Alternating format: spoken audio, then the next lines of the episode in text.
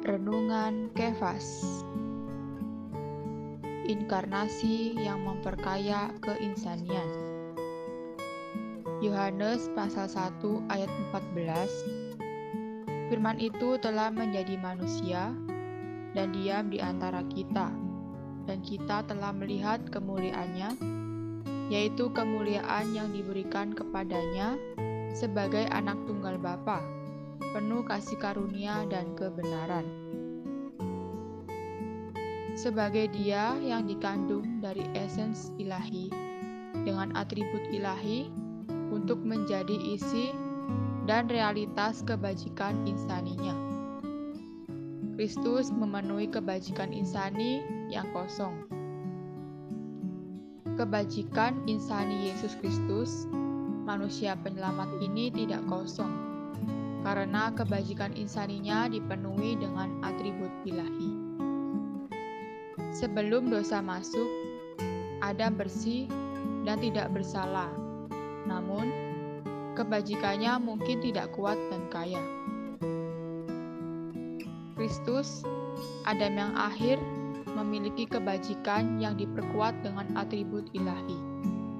Kasihnya begitu kaya karena mengandung kasih ilahi inkarnasi Kristus adalah untuk memenuhi, memperkuat, dan memperkaya kebajikan insani. Atribut ilahinya juga menguduskan kebajikan insani. Kristus berinkarnasi berarti dia menjadi daging. Ia datang dalam rupa daging dosa, namun tidak memiliki sifat dosa Lukas pasal 1 ayat 35 menunjukkan bahwa anak yang dikandung oleh Maria adalah dari Roh Kudus. Dia itu kudus, tetapi daging tidak kudus. Yang kudus lahir ke dalam daging itu akan menguduskan, memulihkan daging.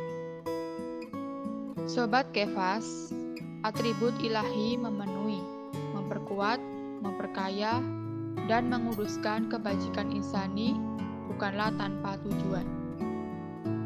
Tujuannya adalah agar kita dapat mengekspresikan Allah dalam kebajikan insani.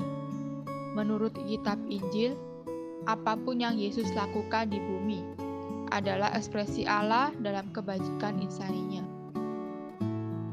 Dalam dia, manusia penyelamat. Atribut ilahi ini dibawa masuk ke dalam kebajikan insani bagi ekspresi Allah.